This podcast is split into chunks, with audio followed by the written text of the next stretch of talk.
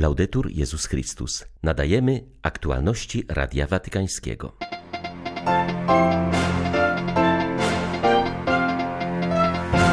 Franciszek spotkał się dziś z trzecią grupą polskich biskupów, zachęcił ich do otwierania okien nadziei. Walcząc z obecnym kryzysem, trzeba się wystrzegać łatwych rozwiązań. Musimy myśleć o dobru młodych pokoleń, napisał papież do uczestników włoskiego tygodnia społecznego. Musimy sobie uświadomić, że coraz większe obcowanie z techniką cyfrową wpływa na człowieka i społeczeństwo, ostrzega biskup Paul Tai z Papieskiej Rady Kultury. W Watykanie debatowano dziś nad kulturowym wpływem sztucznej inteligencji. 21 października witają Państwa ksiądz Krzysztof Ołdakowski i Łukasz Sośniak. Zapraszamy na serwis informacyjny.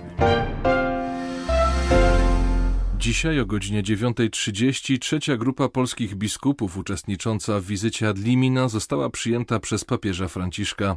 W spotkaniu uczestniczyli przedstawiciele metropolii częstochowskiej, gnieźnieńskiej, łódzkiej oraz warszawskiej, a także ordynariatu polowego i wszystkich eparchii obrządku grecko-katolickiego. Kardynał Kazimierz Nycz, metropolita warszawski, bierze udział w wizycie ad limina po raz szósty – po spotkaniu z Ojcem Świętym podzielił się swoimi wrażeniami z Radiem Watykańskim. To spotkanie z papieżem trwało prawie trzy godziny, natomiast e, nie było połączone z wykładem, z jakimś discorso, tylko było rozmową cały czas. Ja rozumiem, że poprzedni ad limina Jana Pawła to nie było tak potrzebne, dlatego że papież się spotykał indywidualnie z każdym biskupem czy z każdą diecezją, ale z żadną diecezją, w żadnym spotkaniu indywidualnym nie mógłby poświęcić tylu tematom i tylu sprawom tyle czasu. I dlatego od tej strony jest to niewątpliwie nowe doświadczenie, żeśmy mogli rozmawiać z papieżem otwartym tekstem,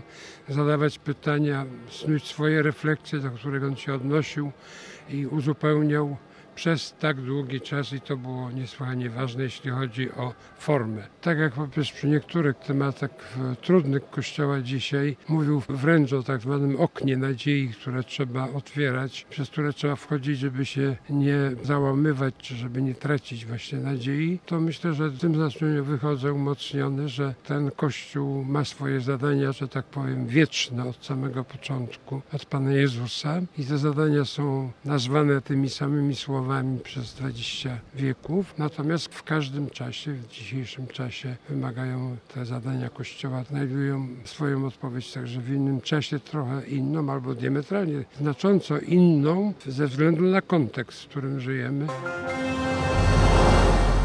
Odpowiadając na aktualny kryzys, nie można się uciekać do łatwych rozwiązań, które chronią tylko tych, którzy są już chronieni.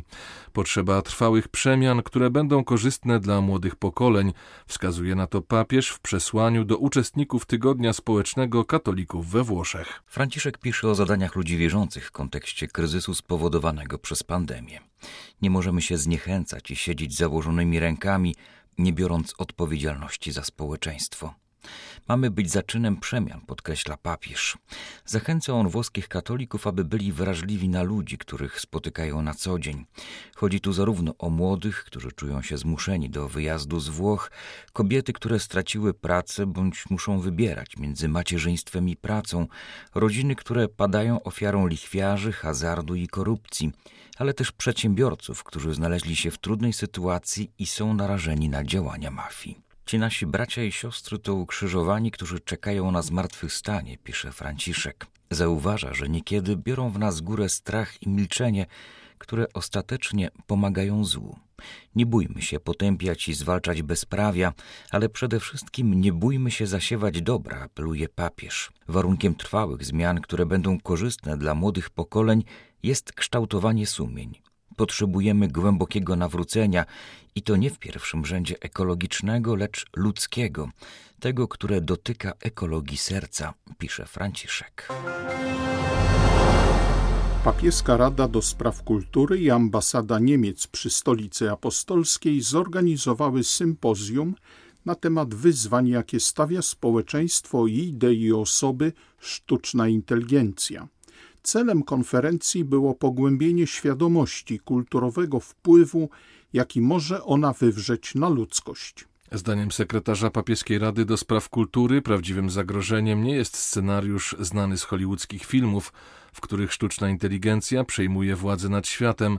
Realne zmartwienie polega na tym, że ludzie mający z nią coraz częstszy kontakt, a coraz mniejszy z innymi osobami, sami mogą stać się jak roboty, zatracając swoje człowieczeństwo. Musimy się zastanowić, czy w pełnym technologii świecie nie tracimy z oczu wartości międzyludzkich relacji, mówi biskup Paul Tai. Pojawiają się interesujące refleksje pochodzące ze świata kultury. Niedawno ukazała się książka Kazuo Ishiguro Klara i Słońce, napisana z perspektywy sztucznej inteligencji, stworzonej, aby pomóc dzieciom radzić sobie z samotnością. To oczywiście wizja artystyczna, ale przecież dzieci są wychowywane od dawna w nieustannym kontakcie z techniką. Ich towarzyszami zamiast rówieśników coraz częściej są komputery i smartfony. Technika już dzisiaj odpowiada niemalże na każdą ich potrzebę. Z czasem zacznie zadawać pytania, spełniać zachcianki, a to nie pozostanie bez wpływu na ich myślenie o relacjach. Czy nie zrodzi się w nich przekonanie, że drugi człowiek jest wyłącznie po to, by spełniać moją wolę? Takie postawy szybko zakorzeniają się w ludziach i mają wpływ na relacje z innymi. Zdaniem sekretarza papieskiej Rady do Spraw Kultury wyjątkowo ważnym problemem jest kwestia etyki. Coraz częściej przy tworzeniu różnego rodzaju produktów inżynierowie mają świadomość, że liczy się nie tylko postęp technologiczny, ale także wpływ nowych rozwiązań na społeczeństwo, zauważa biskup Paul Tai. Pozytywną rzeczą jest to, iż inżynierowie i naukowcy zajmują się tymi zagadnieniami. Są oni często pod presją w swoich środowiskach, szczególnie w branżach komercyjnych, aby przejść naprzód bez brania pod uwagę wszystkich ważnych kwestii. Wiemy, co wydarzyło się w erze cyfrowej. Problemy pojawiły się w wyniku naszej naiwności. Ufaliśmy, że ludzie wykorzystają te rozwiązania wyłącznie dla dobra swojego i innych. A tymczasem chęć zysku skłaniała korporacje do podejmowania decyzji niekorzystnych dla społeczeństw. Świadomość tego sprawia, że liderzy sektora technicznego chcą etyki już w fazie projektowania.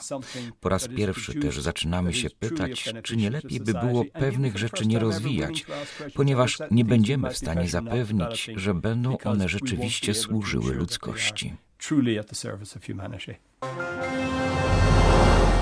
Za pośrednictwem Urzędu Dobroczynności Apostolskiej i Nuncjatury Apostolskiej do Foyer Nazaret na obrzeżach stolicy Kongo dotarły leki ofiarowane przez Franciszka na leczenie niedokrwistości sierpowato-krwinkowej wśród wychowanków. Ten gest pokazuje, że tytuł jego ostatniej encykliki jest programem działania, napisała siostra Elis Wołakołanitu w liście podpisanym przez dzieci. List jest wyrazem wdzięczności papieżowi za otrzymany dar. W Kongo preparaty te są niemal niedostępne oraz niezwykle drogie. Leki zostały przesłane jako odpowiedź na prośbę o pomoc skierowaną przez dzieci w napisanym niedawno liście. Papież za pośrednictwem swego jałmużnika oraz nuncjatury wysłał paczki z lekarstwami. Oba listy pomogła dzieciom napisać siostra Elis. Ojcze Święty, to, że o nas pomyślałeś i wysłałeś lekarstwa dla naszego sierocińca, to dla nas znak, że słowo Pisma Świętego jest życiem. Wierzymy, że razem z tymi lekami Pan nawiedził nas przez Ciebie, czytamy w liście. Posługa kapłańska względem umierającego powinna zostać uznana jako jeden z elementów akcji ratunkowej, uważa biskup Marek Davis. Angielski biskup apeluje o wyciągnięcie wniosków z tragedii, która spotkała w ubiegłym tygodniu katolickiego parlamentarzystę Sir Davida Amesa.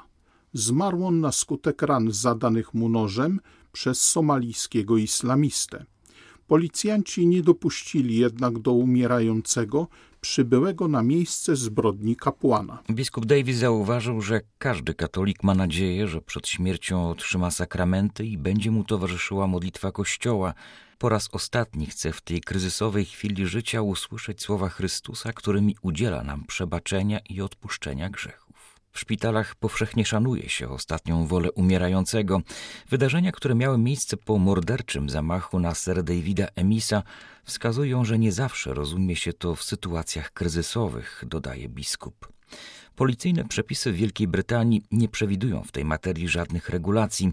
W praktyce o dopuszczeniu do umierającej osoby kapłana decyduje wrażliwość i dobra wola konkretnych funkcjonariuszy. Jeden z członków Izby Gmin zgłosił już wniosek, by w parlamencie przyjęto tzw. Tak poprawkę emisa, która zapewniałaby kapłanom dostęp do tych, którzy chcą skorzystać z ich ostatniej posługi.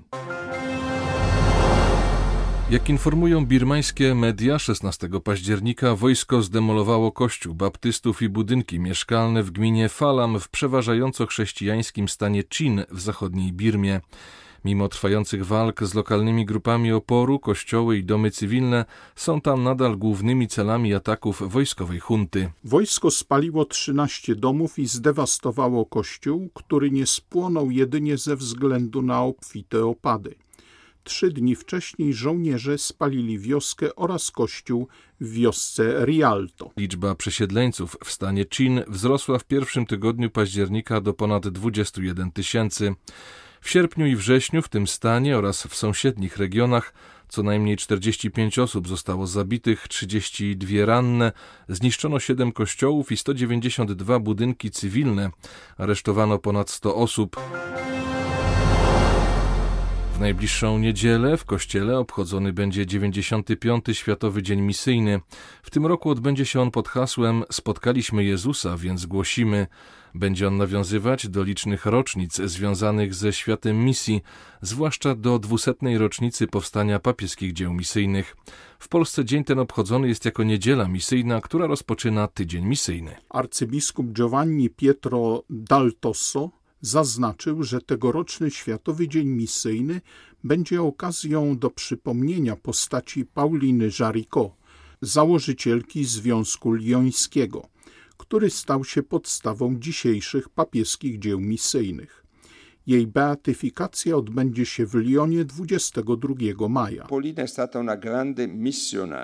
Paulina była wielką misjonarką. Liczne dzieła, które powołała, miały na celu ewangelizację Francuzów i wsparcie misji w okresie silnej dechrystianizacji po rewolucji francuskiej. Zapoczątkowała prawdziwy ruch misyjny, który stał się bardzo popularny ze względu na swoją prostotę. Jej wkład w rozwój misji w XIX i XX wieku jest kluczowy, ponieważ jej dzieła angażowały zwykłych wiernych i uświadamiały im, że też są misjonarzami. Najpiękniejsze jest to, że nie mówimy jedynie o historii. W tym roku papieskie dzieło rozkrzewiania wiary wsparło 893 okręgi kościelne na terenach misyjnych i zainwestowało ponad 10 milionów dolarów w kształcenie kształcenie katechistów. Papieskie dzieło świętego Piotra Apostoła sfinansowało kształcenie prawie 77 tysięcy seminarzystów, a w diecezji Caserta powstało nowe stowarzyszenie wiernych inspirowane charyzmatem Pauliny Jaricot.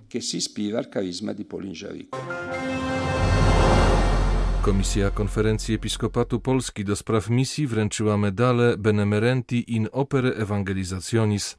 Wśród 15 nagrodzonych osób i instytucji najbardziej zasłużonych dla misji znalazła się także sekcja Polska Radia Watykańskiego.